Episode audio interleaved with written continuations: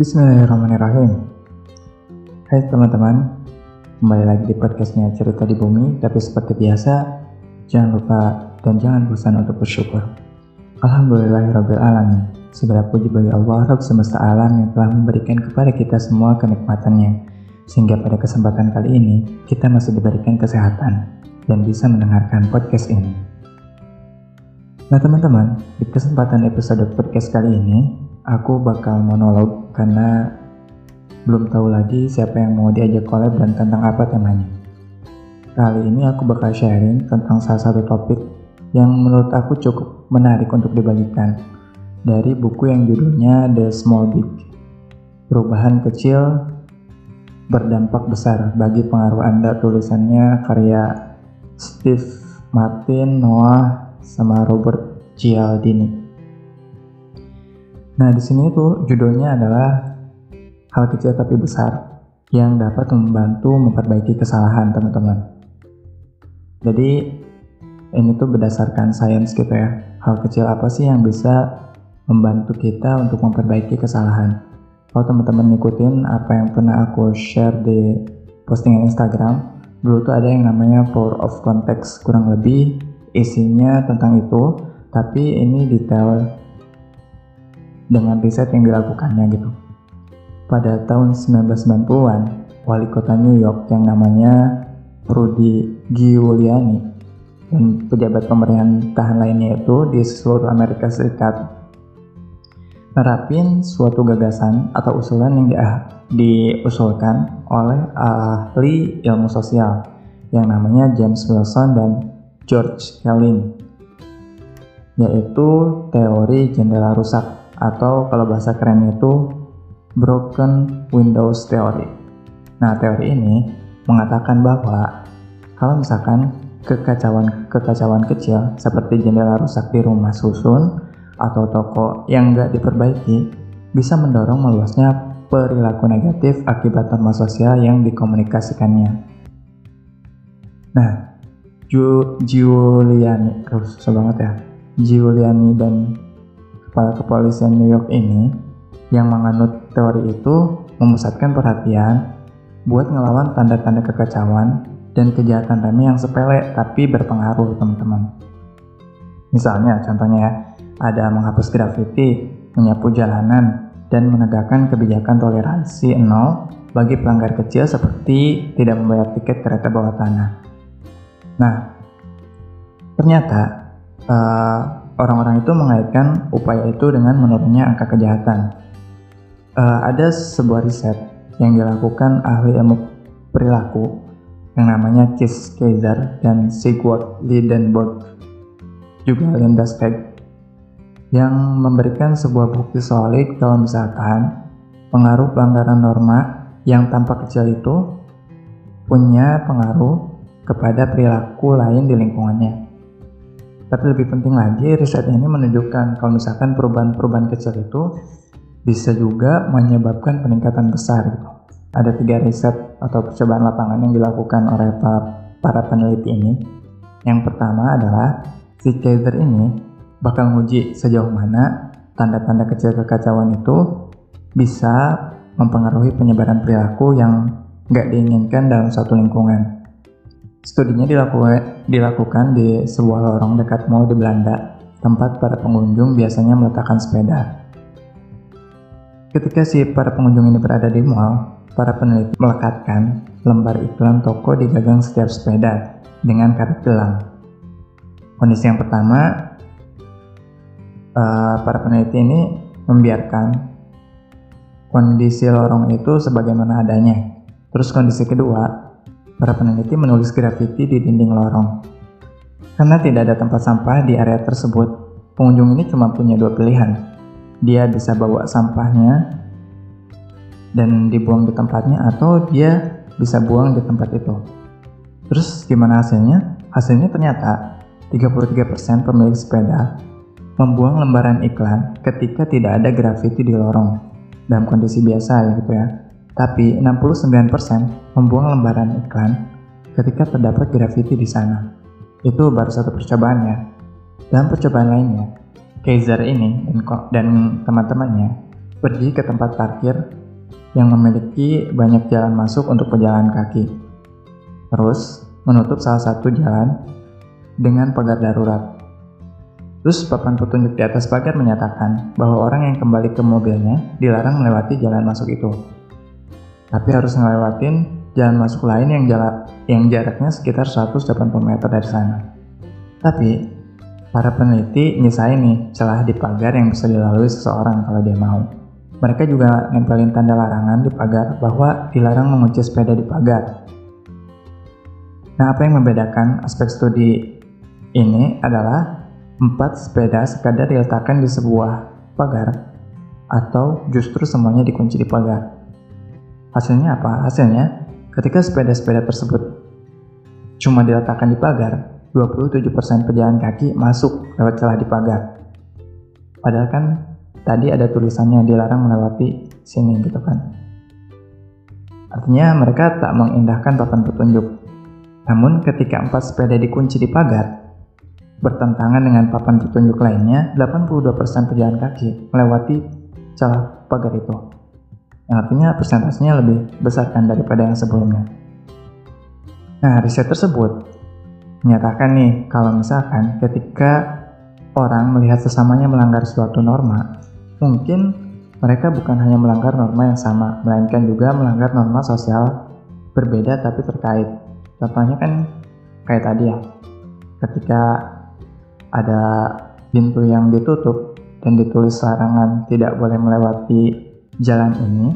Terus ada papan lain yang menunjukkan tidak boleh mengunci sepeda. Ketika kondisinya sepedanya nggak dikunci, persentase yang lewat jalan keluar yang dilarang itu lebih sedikit daripada ketika sepeda dikunci. Nah, ini pun di sini ditulis kalau misalkan contohnya kayak para karyawan kantor yang lewat mesin fotokopi dan mesin penghancur kertas, sambil memperhatikan bahwa suasana sekitarnya semrawut dan potongan kertas bertebaran di mana-mana. Mungkin melanggar norma kantor lainnya dengan meninggalkan cangkir bekas kopi di meja, atau ninggalin tumpahan makanan di minuman dapur. Nah ini biasanya terjadi nih sama kita yang kadang kan banyak banget ya, ada tempat yang tulisannya dilarang buang sampah di sini, yang buang sampah di sini bukan manusia gitu. Tapi nyatanya di situ banyak banget sampahnya gitu kadang-kadang orang tuh mikir ah nggak apa-apa cuma satu ini. Tapi itu dia yang menyebabkan orang lain ikut-ikutan juga buang sampah di situ. Nah terus ada nih penelitian lain atau riset lain yang masih berhubungan yang uh, apa menanyakan kalau misalkan pelanggaran kecil itu bisa nggak sih benar-benar nyebabin orang bisa mencuri? Sementara mereka nggak akan ngelakuinnya dalam kondisi yang berbeda di saat ini, para peneliti meletakkan amplop berperangko dan beralamat yang jelas berisi uang dalam keadaan setengah masuk di pintu kotak surat. Jadi masih kelihatan lah gitu, dan bisa diambil oleh oleh para pejalan kaki. Nah, satu-satunya aspek studi yang diubah adalah adanya sampah di tanah yang mengelilingi kotak surat itu. Jadi, ketika nggak ada sampah, hanya 13% pejalan kaki yang mengambil amplop beserta uang di dalamnya. Tapi ketika lingkungan itu penuh dengan sampah, tingkat pencurian meningkat dua kali lipat. Sekitar 25% pejalan kaki mencuri amplop tersebut. Nah, teman-teman tadi tuh menunjukkan kalau misalkan petunjuk yang samar atau kondisi yang samar tadi mempengaruhi perilaku orang dalam suatu lingkungan. Yang hasilnya siapa pun yang bertanggung jawab atau berminat mendorong perilaku prososial yang diinginkan harus bukan mempertimbangkan perubahan kecil pada pesan mereka, melainkan perubahan kecil pada lingkungannya. Jadi uh, kondisi lingkungan itu punya power juga gitu teman-teman yang bisa mempengaruhi bagaimana kita ber, berlaku dan bisa disebutin kalau misalkan kadang lebih mudah dan lebih efisien untuk mengubah lingkungan ketimbang pikiran orang lain. Contohnya kayak gini deh, misalkan ada sekelompok orang, mereka akan melewati sungai. Nah, sungai ini kita bilang sungai ini ada ada buayanya gitu. Tapi mereka kan bisa aja kekeh gitu tetap kekeh untuk melewati sungai itu.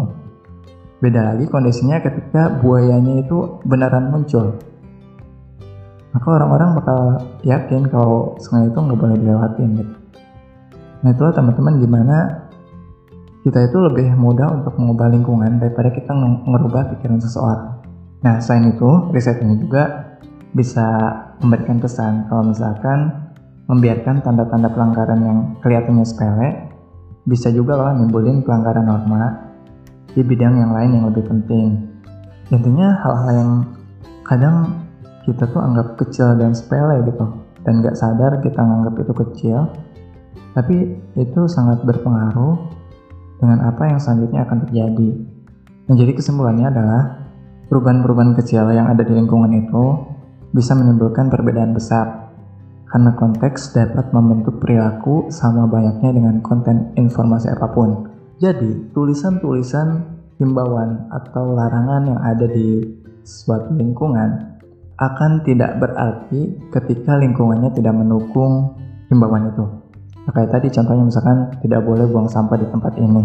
Yang buang sampah di tempat ini gila, tapi di bawahnya ada sampah dan itu itu tulisannya nggak akan pernah ngaruh kan harusnya kita bersihin dulu sekelilingnya maka orang-orang akan memiliki presentasi kecil untuk membuang sampah di situ. Jadi intinya inilah hal kecil tapi besar yang dapat kita lakukan untuk merubah sesuatu kesalahan.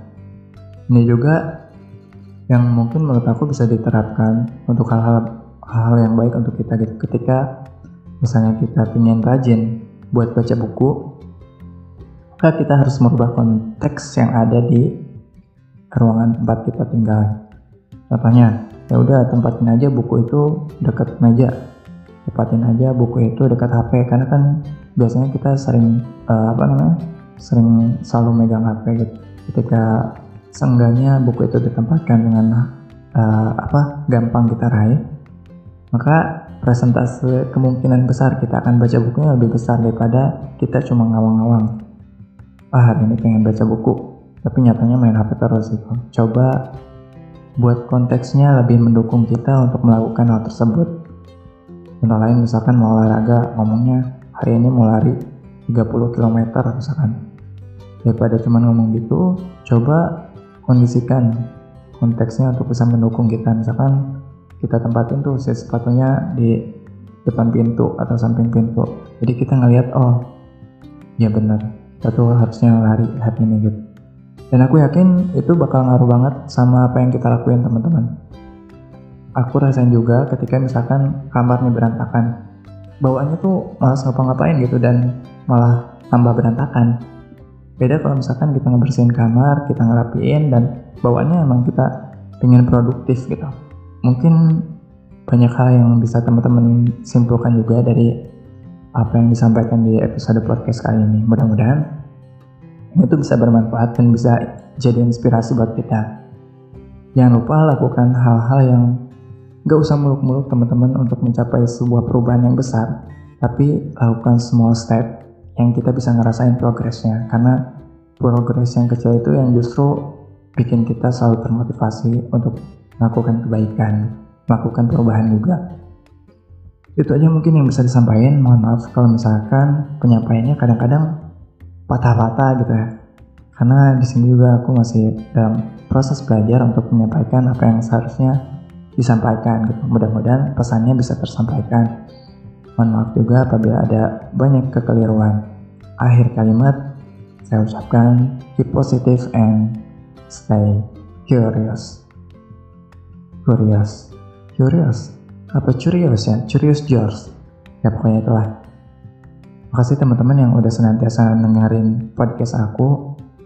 Aku ngerasa ketika podcastnya didengerin oleh orang-orang ngerasa apa ya? Nggak sia-sia gitu bikin podcast ini karena emang bisa didengerin. Dan aku selalu yakin kalau misalkan setiap karya itu akan selalu ada penikmatnya. Sekian dari Faisal di cerita di bumi hari ini. Wassalamualaikum warahmatullahi wabarakatuh